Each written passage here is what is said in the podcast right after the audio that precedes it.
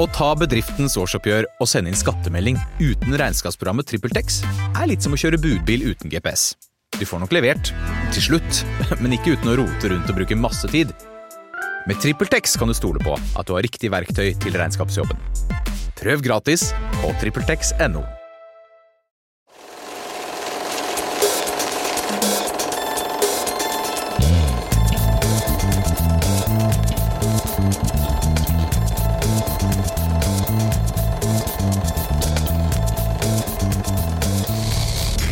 Filmmagasinets podkast.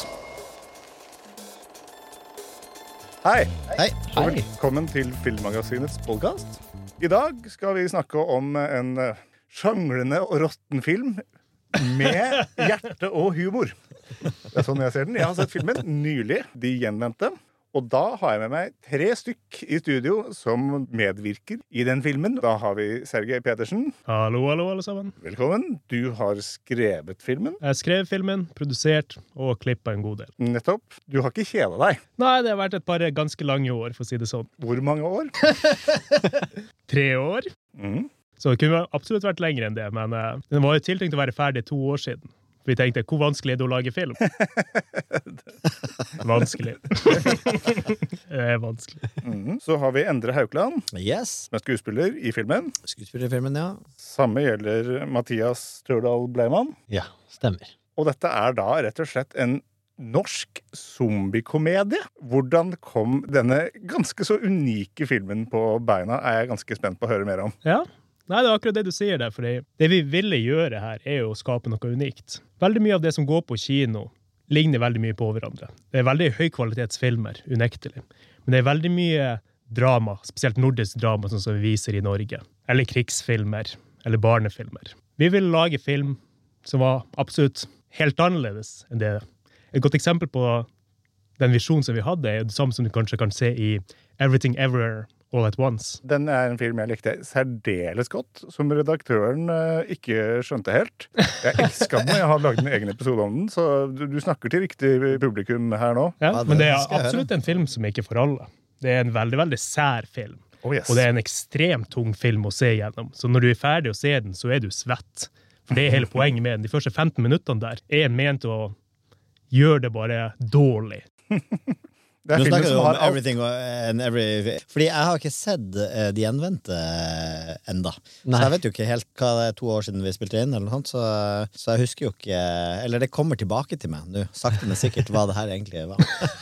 ja, det kjenner meg igjen. Du har gjenvendende minner, er det det du Ja, prøver? Dette er høykvalitetsordspill uh, i min bok. Tro meg, altså, det, det kommer flere. Det, det kommer flere. Jeg har mange spørsmål, men jeg vil gjerne at dere kanskje kan fortelle litt om dere selv, og på en måte bakgrunnen deres, og litt om hvem dere er. Hei, mitt navn er Ja, Har dere kanskje lyst til å starte? jeg har lyst til å, jeg har kjempelyst til å snakke, snakke om meg sjøl. Selvfølgelig. Hvem har ikke det? Eh, ja, gjerne det. Nei, altså, jeg er eh, Jeg holder på med så mye forskjellige ting. Jeg er liksom skuespiller, utdanna skuespiller, og så har jeg jobba i mange år som folkehøyskolelærer. Teaterlærer da, på folkehøyskole. Og så, og så holder jeg på med sånn quizer, quiz med liveband og få synge og sånt. Nå har jeg sunget 400 sanger på, i løpet av ikke så mange år, og jeg sang aldri før det, så jeg er stadig i eh, i utvikling, eh, da. Så det er meg. Og, og her er da De gjenvendte. Det var en veldig gøy mulighet for meg å få gjøre min første sånn, hovedrolle i en film. Jeg har vært med på masse innspilling, og sånt, men da er det jo gjerne Du skal være på sett fram til lunsj, så er du ferdig. Eller etter det. Altså, det er liksom ikke så eh, Det er ikke så masse. Så her var det litt mer eh, å sette tenna i. Så det har vært, eh, det har vært spennende. Mathias? Ja, jeg er jo egentlig ganske ferskutstudert. Jeg gikk ut i eh, 22, tok en bachelor i musikkteater, eh, og har frilansa som skuespiller nå siste halvannet året. Så da vi filma det her, så var jeg fortsatt midt inne i studiene og sånn. Som jeg for så vidt er kanskje det som gjør meg mest nervøs for at den filmen skal komme ut. Jeg er på en måte ikke ferdig på noen måte. um, så nå er det jo det det går i av, av, av frilansprosjekter. Litt sånn teater. eh, Jeg gjør både teater og film. Mye av både òg. Um, og så underviser jeg litt på sida sjæl for eh, har eh, barneteatergrupper mellom eh, åtte og tolv, er det vel nå. Det er bra å undervise. Det er veldig utviklende å undervise. Man må Ja, ja, men jeg kjenner det. Og det er også litt deilig, Fordi da får du faktisk opprettholdt alle de der basic teknikkene for skuespill. Du glemmer de aldri når du må snakke om det hver eneste time på mandag, eh, liksom to timer. For det å lære bort, sånn du skjønner hva du faktisk sjøl forstår. Jeg har vært eh, mattelærer tidligere, og i forskjellige andre felt også, men det er da du først forstår at wow, jeg har virkelig ikke peiling på det her. Så jeg var flink på eksamen, men eh, jeg skjønner ikke hvorfor noe av det her fungerer i det hele tatt. Så det er en av de tingene som vi også ønsker å gjøre med de gjenvendte. Jeg kan jo fortelle litt eh, først om meg, og så kan jeg gå inn på det. da, men Bare for å sette den eh, haken der, er at vi ønsker å bruke mye av det materialet og det vi lærte her i løpet av de gjenvendte, og tilgjengeliggjøre det for andre for å også lære. Så hele vår prosess, alt det vi lærte, alle de feil vi gjorde, bare kaste det ut der i markedet, så de får også, de som ønsker å lage filmer, har den muligheten. De trenger ikke gjøre de samme feilene som oss, at de tør å ta denne sjansen. Fordi det er utrolig mye enklere å lage film nå enn det var 20-30 år tilbake. Teknologien er der, programmene er der, folk er her, og interessen ikke minst er der. Så jeg tror det kommer til å være veldig mye endring i filmmarkedet i løpet av de neste årene. Å kunne være med på å utvikle den og gi mulighet til folk som kanskje ikke hadde det tidligere. Det tror jeg er veldig givende. Og kanskje det kommer til å skape flere filmer som jeg sjøl ønsker å se på kino også. Mer variert, mye nytenkende film. Mer variert, mer crazy, folk som tar sjanser. Fordi, sånn som det er i Norge, og har vært ganske lenge i Norge. fordi Vi er jo et litt annet marked enn f.eks. i USA, for der har de ikke støtteorganer i samme system. Der bestemmer markedet hvilke filmer som blir laga. Det har jo selvfølgelig ført til sine egne problemer, som at Marvel er den som blir laga. Ja, det er for så vidt et poeng. Det er, det er mye Marvel. Det skal ikke nektes for. Yes. Men i Norge så har vi andre veien rundt. Så de eneste filmene som kan bli laga i høy kvalitet, sånn som det er definert, er jo de som får støtte fra Norsk Filminstitutt eller lignende type støtteorganer, om det er utenfor Norge eller ikke. Og Det betyr også at det er to-tre folk i Norge som egentlig bestemmer hvilke type filmer som blir laga. Særlig nå som etterhåndstilskudd er blitt fjerna. Som før var det sånn du kunne ta sjanse på å lage en egen film. Og om den faktisk performa på kino, og du fikk jeg husker ikke om det var 25 000 eller 30 000 publikum inn på kinosalen, så fikk du da dobbel billettinntekt tilbake. Og det var på en måte Da kunne du ta risikoen, du kunne investere i å lage film, og om det faktisk viser seg at det her er noe markedet ønsker, så fikk du på en måte gevinst for det. Nå er det eliminert. Den eneste måten da å få penger på, er gjennom støtteorganene. Og det har drept veldig mange indie-prosjekter. Og jeg syns det er veldig synd, for det er sånn du får de nye, friske ideene.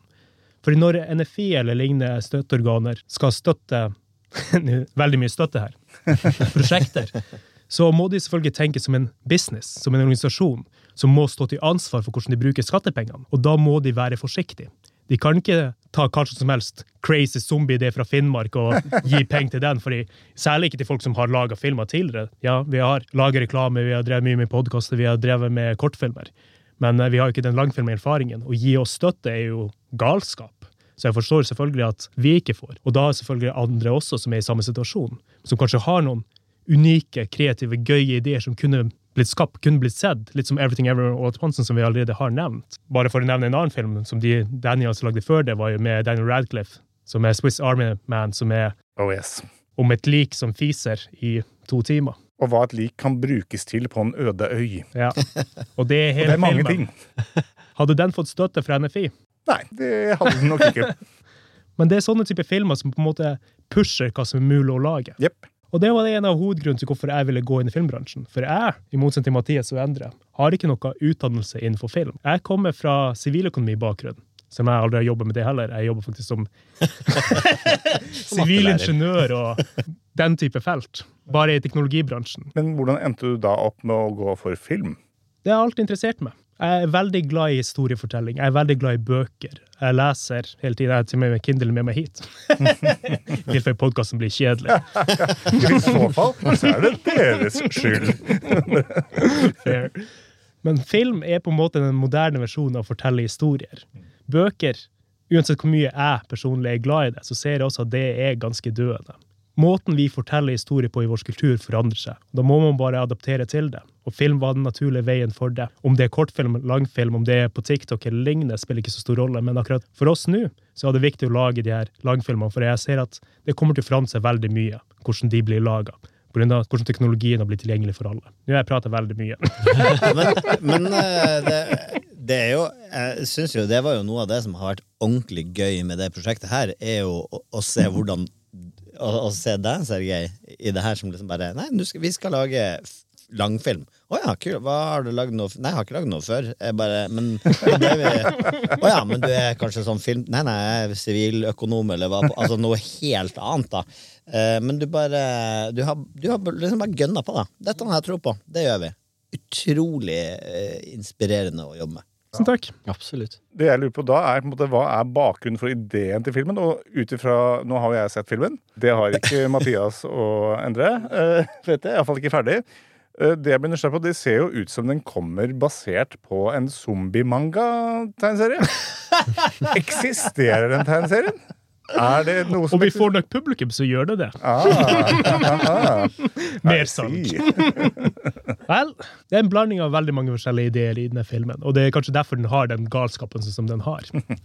Det jeg liker veldig godt med manga- og anime-kulturen, og det er derfor vi også har den som bakgrunn i det her, er at mens film har blitt mye mer eh, voksent, kan man si Vi har gått bort fra Shaun of the Dead, Face-Off og den type filmer. Det markedet på en måte har blitt veldig mye mindre der hvor de var rett og slett galskap som filmer. Som var populær, som var mainstream, som vi alle så. Alle her har sett Face-Off, alle har Ja. sett Shaun of the Dead. Nå, om du hadde sluppet de filmene der, så hadde de mest sannsynlig vært veldig nisjefilmer. For nå ser vi enten Marvel eller kunstfilmer. Mens i manga- og anime-verden så er det fortsatt veldig populært å være helt crazy. Og de mest populære animeene er helt sinnssyke. Som kanskje en av de mest populære i fjor var det som het Chainsaw Man. Som handler om en eh, fyr som har motorsager på hendene og i ansiktet. Så klart. Og sager monster. Ja. Altså, Som det har eh, fins jo veldig mye crazy manga. Jeg har lest noe av det før. Og, men samtidig så finnes det jo også på en, måte, en anime-serie som heter Rape Man. Som er, er lettere uheldig og vanskeligere å selge jeg vet ikke, inn i et filmkonsept. Rape, er ikke det, er ikke det en fisk på engelsk, da? Rape? Vi får håpe, men jeg mistenker at det ikke er der konseptet. Jeg tror ikke det er fisk. Men er han en superhelt eller en slags superskurk? Jeg, Jeg tror han er litt av begge deler, men jeg, jeg er ikke overbevist. Så jeg tror, jeg tror det fort kan gå på en smell med de greiene der. Vel, jeg snakker ikke om alle. Vi har alltid noen uheldige unntak. Jeg Tenker jeg skal unngå filmatiseringen av Ja. den. er vi så. Ja, leste manus, men mm, yeah. Vi må gjøre noe med det navnet, bare. Nei, det er noe med det. Men ja, så det eksisterer faktisk ikke en tegneserie, men dere har skapt en som kanskje kan bli skapt hvis dere Ja. får finansiering til det? Vi trenger ikke finansiering heller. For, for det som er konseptet her, er at vi gjør det publikum ønsker.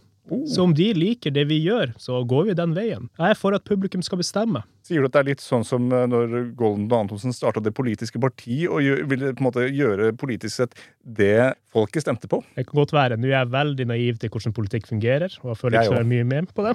Men det var jo det de også var. Det var liksom Ja, stemmer. Stoppa de, ja!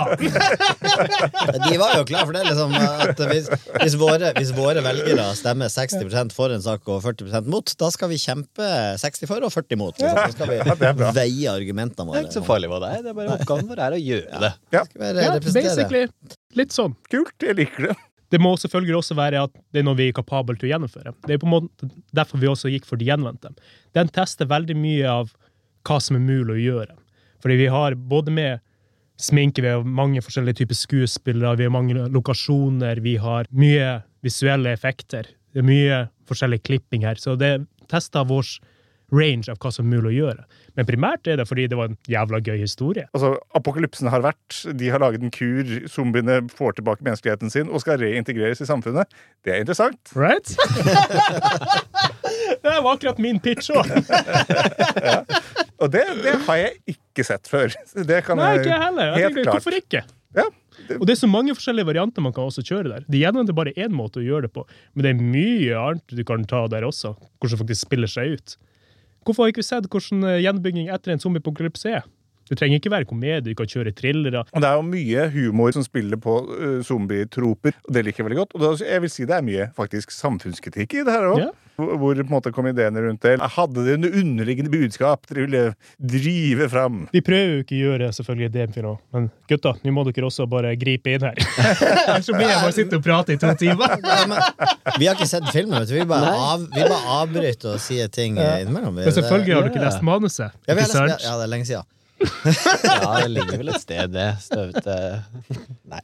Det kan jo kanskje fortelle litt om premissen, og det er jo Hjertet i filmen er jo et slags bofellesskap av zombier, og en mann som er feilaktig registrert som zombie.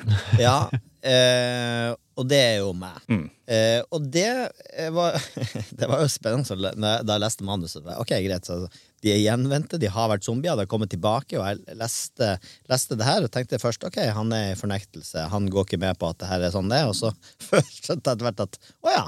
Jo, det er sånn det. Han, han, har, ikke, han har ikke vært eh, Han har ikke vært eh, zombie i det hele tatt. Han er bare offer for eh, Byråkratiet. byråkrati, offer for byråkratiet, ja. Han har blitt stempla som én ting, og da er det umulig å stemples om. Og det er jo en, si, en slags gjenkjennelig problem, problematikk å stå i, hvis man noen gang har prøvd å fylle ut et uh, offisielt ark. Oh yes, veldig en, Frustrasjonen er til å ta og føle på.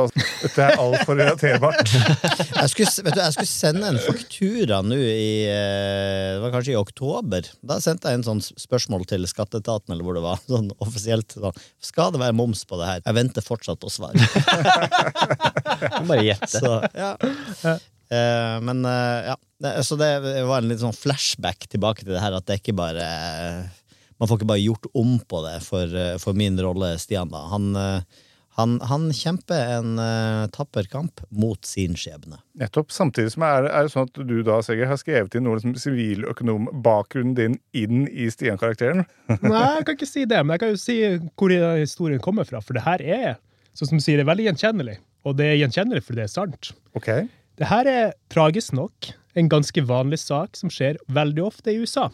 Det er der i hvert fall jeg har lest om det. Jeg tipper det skjer i de fleste andre land også. Men det er folk som har blitt erklært død uten å være død. Og det er ikke så jævla enkelt å motbevise at du er levende. For det hjelper ikke å møte opp der og si 'jeg er her, jeg er i live'.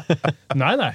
Du må gå gjennom de forskjellige etappene der, for med en gang du dør, så blir du avregistrert fra bank, du mister personnummeret ditt, du mister alle de delene der som gjør deg deg. Og da å bevise i etterkant at du er deg, at du er i live, det er ikke en enkel prosess, og det kan ta år.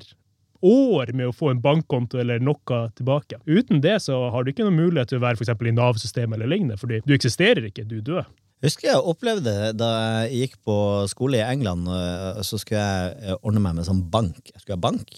Så var jeg i banken og snakket med dem, og så sa de ok, men du må komme tilbake, og du må ha med post som du har fått, som beviser at du bor der du sier at du bor. Og så sendte de meg noe brev, da. Så var det ok, greit, brev fra banken. Det er det eneste brevet jeg har fått i England. Så gikk jeg tilbake med det. Men det var Nei, nei, nei. Kan ikke ta med brevet vi har sendt deg. Det må være brev fra noen andre. Så, og litt sånn Litt den samme greia der, bare. Oh, Ok. fuck you! Ja. Fuck you. Jeg skal bare vente på post, jeg, da. Fra Du noen må finne noen andre som kan sende post til meg. Ja, Få deg noen venner, da. Kom igjen, da. Få deg noen venner. vi vil ikke være venner. Jeg, Du du tror, jeg, tror, det- jeg tror det var sånn Jeg tror kravet for at banken skulle tro på at jeg bodde der, var at jeg måtte, jeg måtte få en regning. Ja. Jeg bruker er er. penger. Få deg en brevvenn. Ja, men jeg har fortsatt den kontoen i England. Det er to cent på den, og jeg får masse brev fra dem fortsatt om hva de skal gjøre med de her to centene mine. Men det, Er det HSBC, eller? ja, det er HSBC. Jeg har bodd i. England selv, og jeg har bidratt med HSBC, så dette høres veldig kjent ut. det her. Har du to cent der, du òg? Jeg har klart det omsider å bli kvitt den kontoen. Ja. Det tok meg litt tid. Den skjemaer. dagen jeg fikk For jeg hadde 120 pund der, og jeg, jeg satt på telefonen tror jeg i to timer for å Altså jeg endte opp med en Jeg, jeg brukte så mye tid på å få ut et sånn relativt lite beløp at time, timelønna ble liksom dårlig, da. Så de to sentene som ligger igjen der, de får, de får bli. Du har egentlig bare vært litt sånn method actor opp til punktet. Ja, ja, er det jeg hører her. Riktig casting. Jeg identifiserte meg veldig med Stian. Jeg har ingen trening i method acting heller, for så vidt. Det er mer er som bare- Meisner vi holder på med, da. Men uh, ja. Det bare ble sånn. Method acting, det er bare når det faller seg naturlig. Når du ikke må spille, når du bare må være til Du må bare møte opp, Ja, og det er greit. Og du er jo ikke en zombie i filmen, mens det er du, Mathias. ja det, det er jeg. En zombie-influencer, no less. Ja. Veldig selverklært zombieinfluenser. Jeg skjønner jo sånn at han faktisk har en, en plattform med, med følgere, men, eh, men ja, han er veldig typisk diva-influencer, kan man si, da. Så, og så er han jo litt sånn aggressiv mot hele, hele menneskeheten også, fordi han mener jo at eh, det er litt sånn ja, vi blir behandlet skitt, så da behandler vi dere skitt, og det er den reasoningen, og punktum. Mm. Og det er jo et interessant sånn fellesskap og, og interaksjonen mellom de forskjellige. Altså, når du skulle spille den rollen, da, bada du liksom i influensekultur for å liksom suge til deg eh, inspirasjon? Et, altså, jeg tror ikke jeg har fulgt så mye med på influenseropplegg som i den lille innspillingsperioden her. Eller i, i For det er egentlig ikke type content som underholder meg veldig mye. Nei. Det er Samboeren min hun har nå begynt å se på det som heter Girls of Norway. Ja, jeg har fått med at det er det- Det er content som jeg ikke forstår Hva er, hva, er, hva er det? Nei, det er altså Og jeg, igjen, jeg kan ikke navnet på alle disse her, men det er altså Sofie Elise og eh, tre, tre eller fire andre Ah. influenserjenter som, som liksom henger sammen. Er det liksom Og det der, er det. Housewives bare at norsk, bare at yngre? Ikke, Og jeg, jeg, ikke jeg var Være eh, wives. Jeg takket høflig nei til å så følge med på det mer. For det er ikke content som interesserer meg så veldig mye. Men jeg så en del på det da, vi, da jeg jobbet med karakteren, jobbet med rollen. Og, ehm, så den er jo liksom preget av litt, litt sånn Den er jo, veldig, den er jo litt stereotypisk i, i væremåten sin. Og Kan, kan jeg bare stille et oppfølgingsspørsmål? For vi har, det er jo veldig masse influensere med i filmen. ja, Hvordan fikk du dra noe veksel på, eh, på dems eh, ekspertise, erfaring? nei, jeg fikk ikke så mye av det, egentlig. Jeg, jeg kan ikke egentlig huske å ha snakket så veldig mye om det å være influenser på sett, som jeg i retrospekt innser at det burde jeg jo gjort. For, Sånn er det ofte. Jeg kunne jo fått masse informasjon der, sånn reell fakta, i stedet Gå for å sitte på. TikTok og være sånn Ja, sånn er det sikkert. Og så, Ikke sant? Jeg har også et oppfølgingsspørsmål. En av de tingene jeg likte veldig godt med Alex som karakter, og sånn som du også nevnte, Tor, er at vi belyser forskjellige elementer av den her apokalypsen gjennom de karakterene. Det er ikke meningen å være belærende med denne historien i det hele tatt. Meningen bare å vise hvordan det kan være fra forskjellige typer perspektiver. En av de tingene jeg likte veldig godt med Alex-karakteren, er jo at han på en måte står opp for zombiene. Han nekter å bli kalt for de gjenvendte. Han eh, aksepterer at de er zombier, eller de har vært zombier, og han er stolt av dem. Han mener også at de bør få lov til å være seg sjøl. Ikke at de trenger å te seg sånn som mennesker. At de bør beholde sin kultur. Og det er jo en av de tingene som vi faktisk opplever i dagsaktualiteten i dag i samfunnet, er at assimilering betyr ikke at du må ta samme type kultur, men at du kan være forskjellige typer kulturer som koopererer sammen. Nettopp, Og samtidig så er det jo en del på en måte zombierasisme Mm. eh, som kommer til syne i den filmen. der. Absolutt. Og det er jo sannsynlig at det ville vært sånn, tenker jeg iallfall. Altså, folk hadde enig. jo reagert. Hadde vi endt opp Jeg håper ikke vi gjør det som det første, men, men det Nei, men Hadde du mista halve familien din i apokalypsen, hvor lett hadde du klart å svelge gjennom at zombier sitter ved siden av deg og drikker kaffe? Ja, det er noe med det. Men hva med disse andre to som også er i De er jo ikke her i fysisk forstand, men det er jo da to andre som bor i dette bofellesskapet. Kan dere snakke, beskrive dem kanskje litt? De to andre karakterene er jo da Emma, som er en, også en gjenvendt, eller en zombie, som er da forelska i en eh, menneskelig jente. Og da prøver vi da å vise hvordan vil det vært når du skildres sånn ut, når du er den nye minoritetsgruppen, men forelsker deg i et menneske. Samtidig hvordan du håndterer den rasismen å være forskjellig, hvordan det er å ha forskjellig fysiologi, forskjellig psykologi, ha annen fortid. Det er veldig mange interessante historier der som man kunne tatt, og man kunne tatt den veldig mange forskjellige veier. Så karakteren Emma bare viser én måte å ta det på. Det er sånn som jeg nevnte, at det er så mange mulige historier der, og det er bare én type setting, og det er mange, mange veier å gå.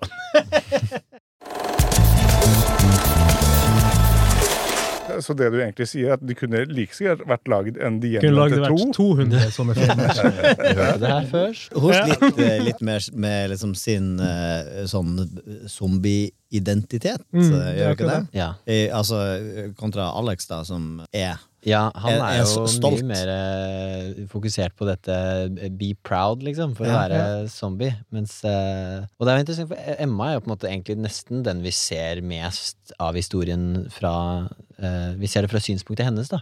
Mm. Og hun er jo på en måte mye mer i de daglige problemene som man får sosialt sett ved det å være gjenvendt, enn en Alex gjør, da, som vi på en måte ser mest fra sitt home space. Så, så det, det blir veldig, to veldig synlige eh, forskjeller på det, da. Mm. Og, og Stian igjen er jo på en måte i sine problemer. Ja. Um, Men uh, Arg eh, har vel ikke så veldig mye Så Fjerde siste karakteren, da, som, som ikke har blitt tatt med nå, han har jo ikke egentlig så veldig mye like mange da, sosiale problemer uh, sånn sett. Han er jo helt fucked. eh, på- Han er jo mest zombie. Altså, Emma Mest ser jo ganske menneskelig ut, sånn relativt til Ja. de andre. Mens Arg er jo Arg er han, han koser seg litt. Han, ko, Ja, men han det også mener. Han koser seg og ser på uh, cheerleaders som blir jaga av zombier, og har det Akkurat det. Han, Han har lyst det til å være hjemme og fint, slappe av, og eh. han blir tvunget dessverre ut og finne arbeid. Ja. Og det er ikke så veldig lett som en zombie.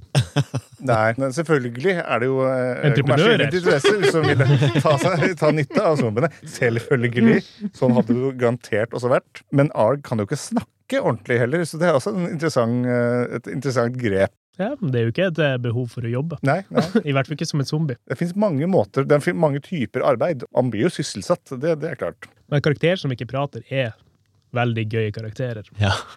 Det merker vi også på veldig mange av de testvisningene vi har hatt, er at eh, folk ler veldig mye på når ARG prøver å kommunisere. Og det er litt spenning. Det er jo et mordmysterium inni her også, som er liksom underliggende. Det er, mye, det er mye som skjer, det er mange historier som flettes sammen. Ja, absolutt. Det er en femtimers film levert på en og en halv time. Men han er god å kommunisere uten ord, da. Det er jo en god skuespiller i, i bunnen, jeg på å si. Eller Ja. under Absolutt. sminken. Absolutt. Er det? Hugo Michael Skaar. Ja. Mm. Men uh, vi, eh, vi forstår han vel i filmen, gjør vi ikke det? Nå husker jeg ikke, det er jo to år siden jeg har filmet det, men men Det er forstår, vi bare forstår Stian vel. som ikke skjønner han. Ja, men det er jo ikke så rart, for Stian er jo ikke Han er jo ikke Det, det husker jeg at, eh, det husker jeg at, jeg, at jeg skal prøve å liksom s, s, kommunisere med han sånn som han, og da Ja. holder jeg på å drite i buksa. Ja, det stemmer det. Scene, ja.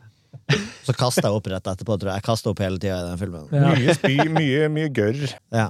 Som det seg hør og bør burde være i en zombiefilm, vil vil mange si. Altså, jeg føler den var veldig mild, men eh, vi har fått Ja, ja, ja. tilbakemeldinger at det er ganske mye blod og sånn type elementer. Nå er det jeg i Filmmagasinet som ser mest og anmelder mest. Gørr og blod for det meste. Og, og jeg har ikke noe store problemer med henne, så jeg kunne absolutt klart langt mer. Jeg er ikke, ikke uenig i det. Jeg får for det meste tildelt altså, jeg får, får, altså, Vi tar jo masse forskjellig. Jeg får veldig ofte de groveste, styggeste, mest groteske, mørke, dype og depressive Ja. filmene. De får jeg, og jeg koser meg med dem. Jeg to. Eneste som har magen til å komme seg gjennom dem. Ofte så er det sånn, sånn som for eksempel når det neste gang kommer denne Terrifier. Terrifier 3. Ja, jeg, jeg anmeldte Terrifier 2. Jeg koste meg med det. Er det sånn som Braindead? At det liksom Det er jo en morderklovn som uh, skamferer deg noe så inn i helvete. på en måte. Enda en morderklovn? Ja, men det her på en, måte, men på en litt annen måte enn It. Altså, hvis jeg skal mø velge å møte noen av dem i en mørk bakgate, så vil jeg heller møte It enn møte Arctic Clown. Å ja, ikke sant? Faktisk. Ok. Nei, den ene scenen der i toeren i senga. Med Ja, å- den ja. er stygg. Jeg har aldri sett noe lignende i noen film noen gang. Det er noe av det verste jeg har sett, og den Enig. stopper ikke. Nei, den gjør ikke det. Det er så spennende. Det er Og til sånn- neste år kommer det en julefilm hvor det er liksom en juleterrifier 2 i nissekostyme morderklovn. klovn. Med øks, selvfølgelig. Så det, det er sikkert jeg som får den. Eller jeg har allerede egentlig meldt meg frivillig, så det er noe med det. Jo da. Hva vil dere si har vært den største utfordringen med å lage denne filmen? her? Den største utfordringa tipper jeg han Sergej har hatt. Det tror jeg. Vi var, dere, altså, jeg vil gjerne høre hvordan det var å håndtere karakterene, for det var jo en del å sette seg i, og være med på det. Vi var jo et indie-produksjon som aldri har gjort noe lignende type før, så jeg vet ikke hvordan det var for dere faktisk å oppleve det. Jeg vet hvordan mine dager var, og de slutta ikke. Så i en podkast som jeg og Espen gjorde tidligere, så spurte jeg, var en av spørsmålene Kanskje dag var den vanskeligste. Og jeg klarer ikke å huske én dag, for for meg var hele produksjonen uten stopp. For når dere gikk hjem etter dagen, så var jeg og rydda og planla og gjorde alt klart til neste dag. Og når jeg våkna, så fiksa vi sminken og gjorde alt klart til den dagen der. og lignende. Så jeg tror jeg sov til sammen sikkert to-tre timer gjennomsnitt i Ouch! en måned i strekk. Ja, så jeg har ikke en dag der. Vil du si at det ga deg en sånn forståelse for zombieaktig liksom, Ja, absolutt. Ja, men vi har, det var jo litt sånn eh, Det dukka jo opp eh, sånn at, det, at, det, at eh, ting plutselig har tatt lengre tid enn det skulle om man ligger eh, timevis bak skjema og sånt. Men, men jeg, jeg må si for min del hadde jeg en sånn veldig stor eh, appreciation for eh, den innsatsen og midlene, ikke minst, som Ja, ja. dere har lagt inn, eller la inn i produksjonen. da. Så jeg kjente at jeg hadde god takhøyde for det. Um, det var noe sånn, jeg opplevde noen sånne store utfordringer. Opplevde mange hyggelige ting. Det var, jeg gleder meg på premieren til å se fjeset på alle som var med på produksjonen, for det her var jo under pandemien. Jeg har Se det med øynene. ja, men, ja, øynene har jeg jo sett. Jeg har bare ikke sett nesa og munnen på flesteparten av crewet. Så det blir sånn Oi, har han sånn nese? Ja, ikke sant?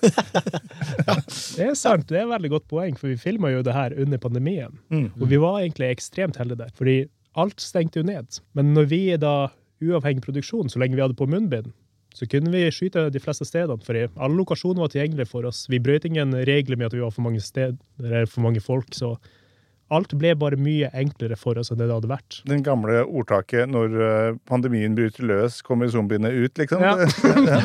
Absolutt. Jeg husker det var noen som måtte forlate Vi var på opptak et eller annet sted, så var det noen som måtte tilbake til forrige sted for å vaske noe blod av, eh, av eh, en gate nede i sentrum. Ja, politiet ringte oss. Det var der han, han, han Adam hadde jakta. Han jakta på meg med øks. Og så ble, var det masse blod på gata der som eh, Det kunne jo ikke være. Det er ikke populært. Det var ikke populært. Jeg mener at jeg så Jeg mener at han Espen gikk rundt med noen sånn papirtørkle og drev og tørka noe blodstein og sånn. Og da tenkte jeg at dette spørs om eh, er nok.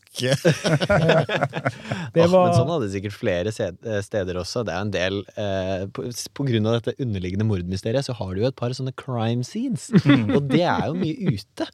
Eh, og det er eh, liksom dager hvor jeg ikke har vært på sett og sånn, men jeg har sett på, på Instagram stories og ting som blir delt underveis, og det ser ut som en jobb å rydde opp i alt det der, ass. Så kjenner jeg er glad for at jeg ikke gjorde det. Men jeg jeg er veldig enig i det du sier, jeg gleder meg til å se folk igjen. Ja. Fordi det, jeg hadde det så gøy på den produksjonen der. Det var jo, jeg, igjen, jeg var jo på en måte student under det her, så jeg var jo litt sånn Jeg følte meg bare veldig heldig for å få lov til å, å holde på med noe annet enn eh, studiet. Som teaterstudiet tar opp hele dagen. Så det var liksom Det at jeg bare kunne ta en stund fri og bare stikke og gjøre noe helt annet, det var så gøy. Og det var så hyggelige mennesker. Så jeg kjenner jeg gleder meg til å se folk igjen. Og for å spille litt tilbake på den utfordringen Jeg husker det var én dag på sett. Jeg har ikke lyst til å si for mye om hva som skjer, Mm. men det er en sånn liten oppgjørstid. og da Det skulle vi filme ute, og vi filmet det ved en kirke, og de kirkeklokkene gikk jeg husker ikke hvorfor engang, men det var om det var en spesiell dag. Men det ringte og ringte og ringte, og så var det stille i ti minutter eller noe, og så begynte det å ringe igjen. Og det var så lenge! Og husker du Jeg husker det veldig godt. Det var den ene dagen hvor jeg også fikk lov til å være regi. For det var kampscenen som vi Oh, yes. spilte inn. Og vi hadde øvd veldig mye til. Vi var veldig godt forberedt. Og så starta kirkeklokkene. Og så starta regnet. Det var den dagen jeg fikk lov å være catering. Ja. Det var, eh, Det var- faktisk, jeg var cat- catering den dagen. Da kom jeg med lunsj til hele, hele jeg, jeg, kjente, jeg husker jeg sett det når du sa det, Ja. men da jeg lagde lunsj en dag. Det var også veldig koselig. Det var utvilsomt høydepunktet. Det var fenomenalt. Det er faktisk eh, var en veldig god opplevelse. Jeg skal lage det til en eh, Ja. Høres ut som eh, varierte arbeidsdager, kan man si. Ja, det, det var det. Så Det sånn det er med indieproduksjoner. Da gjør man veldig mye forskjellig. Fordi når dere er så mange folk, og det er ikke så mye budsjett til å kaste på ting for å få ting gjort, fordi det er det penger løser veldig ofte. Ja, ja. Det er at du får andre folk til å håndtere ting. Når vi fortsatt måtte skape en film, som var veldig ambisiøs film Vi kunne lagd en mye mindre film enn det her, hvor vi kunne gått for en action- eller thrillerfilm uten zombier, som krevde mye mindre skuespill, mye mindre lokasjoner og alt. Men når vi valgte å være så ambisiøse som vi gjorde, så avhengig av at alle måtte ta et tak. Det er bare sånn det var den eneste måten å holde på. Og jeg er utrolig overraska og ekstremt takknemlig for at alle faktisk gjorde det. Det var ingen som var syk, ingen ble smitta med korona, ingen forsov seg, alle møtte opp, alle gjorde jobben sin. Ingenting av utstyret streika, alt bare gikk flawless, eller så flawless som det kunne.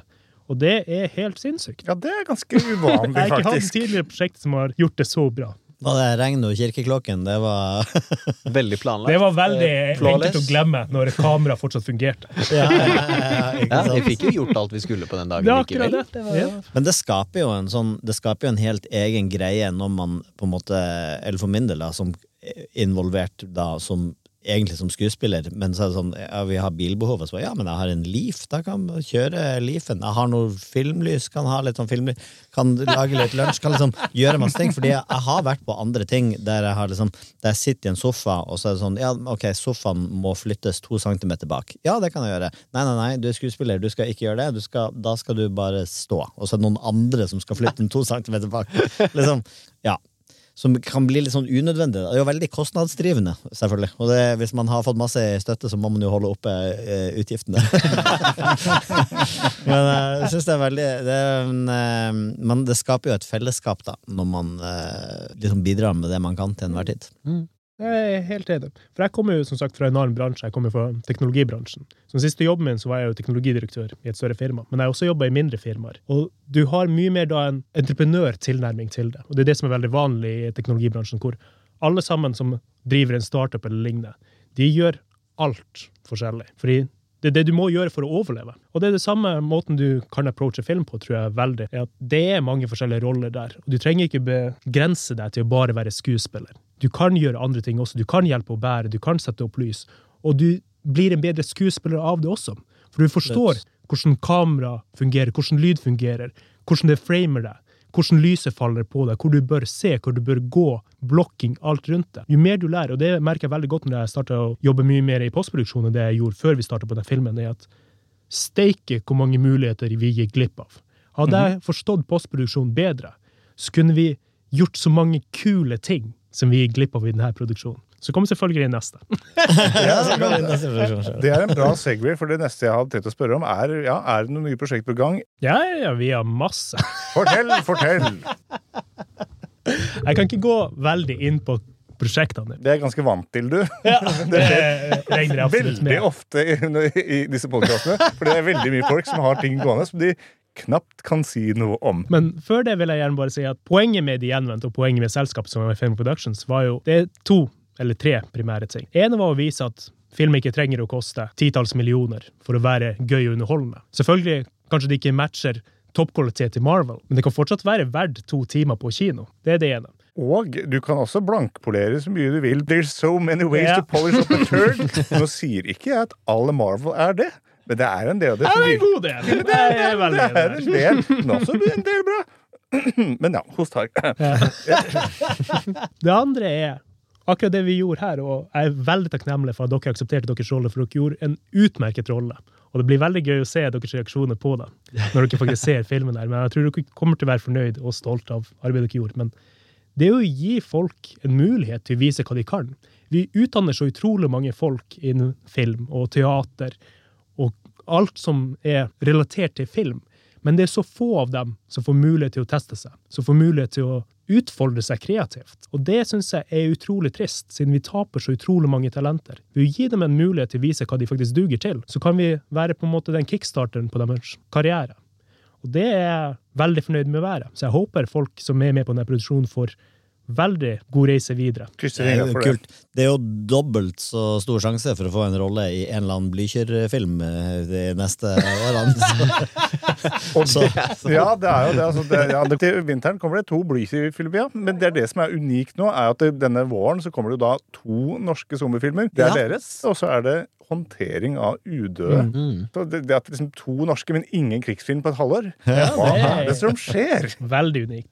Det er faktisk overraskende mange uavhengige filmer som er produsert denne filmvåren. Og jeg er ekstremt takknemlig for å se det. For det går jo akkurat til det tredje punktet som jeg ønsker å oppnå med det selskapet. er Å motivere andre til å gjøre det samme. For det kan vi, kan andre. Så vi hadde null erfaring, basically, og vi klarte å få til det her. Og jeg tror mange folk som er utrolig mye flinkere enn oss, som kanskje sitter der på gjerdet og ikke tør å ta sjansen, kommer til å være motivert nok til å gjøre det sjøl også etter det. Men samtidig så er det jo sånn eh, Peter Jackson og mange av de store starta også. Du må bare lage film, og det er mange regissører, all verdens folk som kommer inn her, og sier du må bare lage. Kom igjen! Lag noe! Kom igjen! Lag noe! det er altså øh, Det er Jeg kjente for meg før, før i tida, før jeg kunne mer om eh, eller Da jeg kunne veldig lite om skriving, så var det utrolig lett for meg å skrive. Fordi eh, Tenker ikke på det.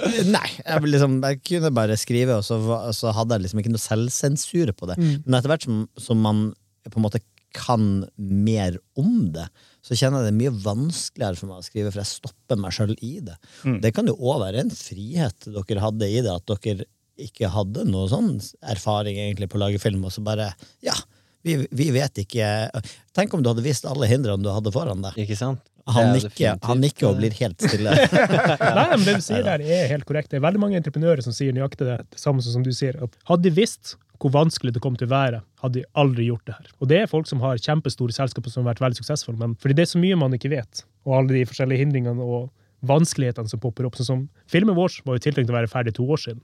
For hvor vanskelig kan det være? Det som jeg åpna opp med å si i denne podkasten.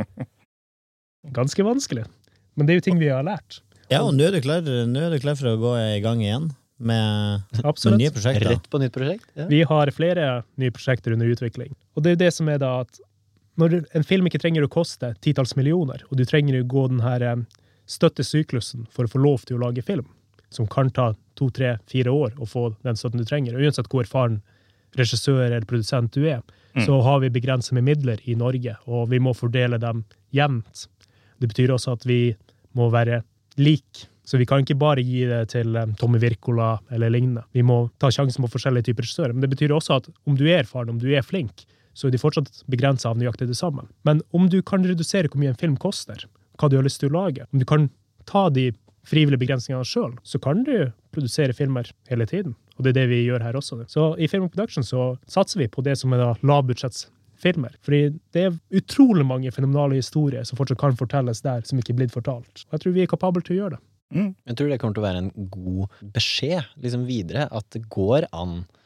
Nå har noen gjort det, ikke sant? Den kommer på, på kino om elleve dager fra det her spilles inn, liksom. Ja. Så Så da, med samme vi er inne på det, hvilken dato kan du gå og se De gjenvendte?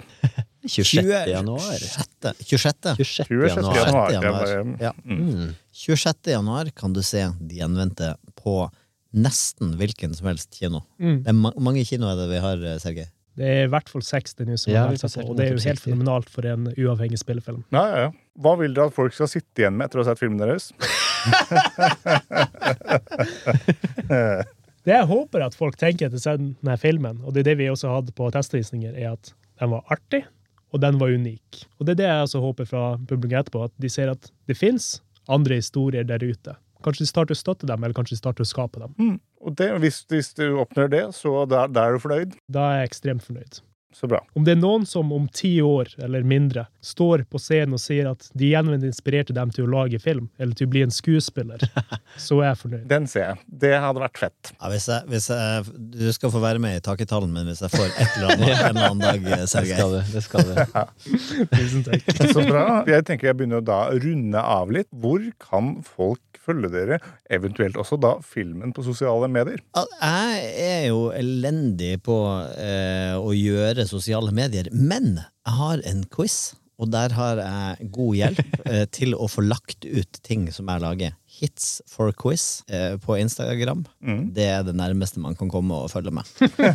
Eller ringe meg på telefonnummer. Nei da. Så om det er noen som er tilgjengelig der ute til å lage fanpages, så hører dere det. Pendrehøkland.no er opptatt av. Den har jeg sjøl. Da den ikke var opptatt fra noen andre, da. Ja, ja. Det hadde egentlig vært jævlig kult. Ja, nei, meg, meg kan du følge på, på Instagram, hvis, hvis du vil. Eh, alfakrøll eh, matt understrek Blayman med Y og to n-er. Det er ikke så lett å stave, men eh, forhåpentligvis står det et eller annet sted. Finne fram. Eh, jeg prøver å være flink og i hvert fall legge ut eh, når jeg gjør noen prosjekter, så man ser i hvert fall noen highlights fra en eller annen produksjon i ny og ne, eller eh, prøvd å være litt flink til å promotere de gjenvendte også. Det syns jeg jo du har. Eh, til, til å ikke være aktiv på sosiale medier, så har du vært aktiv med promoteringen i hvert fall. Ja, jeg har lært meg at hvis jeg trykker på sånn papirfly, så eh, deler jeg. Så er det og det gjør har quizen, og det gjør med de gjenvendte. Ja, du kan bare ta noe noen har gjort, og så sende det litt sånn videre. Jeg Det, fikk, jeg fikk noe kritikk av det av samboeren min, og var liksom sånn her Du, altså du har 200 følgere på Instagram, og du har lagt ut ett bilde av at du tar opp lyd fra tang. Det er liksom det, det er det jeg har på Instagram. Og så la jeg ut ved et uhell at jeg spiller, at jeg spiller kazoo med er sånn uh, Ja, du ser det bare Ja, eller jeg trodde jeg, jeg, trodde jeg la det 150 ut på Jeg trodde jeg la det ut på sånn story, men jeg har sånn der med munnspillstativ, sånn at jeg kan spille ka- kazoo og klappe med hendene samtidig. Jeg tror det er rundt her Endre, du må si hvor gammel du er. Så Jeg folk tror du er oppe i 70 år. Å nei, jeg jeg er så gammel at jeg ikke vet helt, men jeg er 40 pluss. Oss kan du følge med på Finnmark Productions og Krøllalfa Finnmark Productions på alle plattformer. Og alt sammen er rundt de gjenvendte for øyeblikket. Men uh, over tid nå så kommer det også de andre prosjektene der. Så de som er interessert å vite hva som kommer videre nå. For vi er allerede i utvikling med i hvert fall to filmer. Oh. Som eh, kommer mest sannsynlig til å gå i produksjon begge to i år. Så der kommer vi til å legge ut eh, klipp fra både utviklingen, fra manuser og lignende type ting. Også mest sannsynlig om det er roller eller crew og lignende der. Så kommer alt på de plattformene der. Så følg med om dere er interessert i hva som skjer i det, den uavhengige filmproduksjonsverden. Men tusen takk for at dere kom og snakka om filmen deres. Da kan folk se den på kinoen 26. januar. Takk for i dag. Takk for at dere kom. Takk for oss. Takk for oss. Tusen takk. Farvel. Hei! Følg oss på Facebook under navnet Filmmagasinet, på Instagram under navnet filmmagasinet.no, på Twitter med at Filmmagasinet, og nå, helt nytt, på TikTok med at Filmmagasinet. Med oss i studio har vi Lilla Lyd, som styrer lyd og teknikk. Introvinetten er laget av Francesco Hygen Pudo. Tusen takk til Bauer Media for godt samarbeid og utlån av studio. Ansvarlig redaktør for Filmmagasinet er Eirik Bull, og mitt navn er Ulf Kolberg.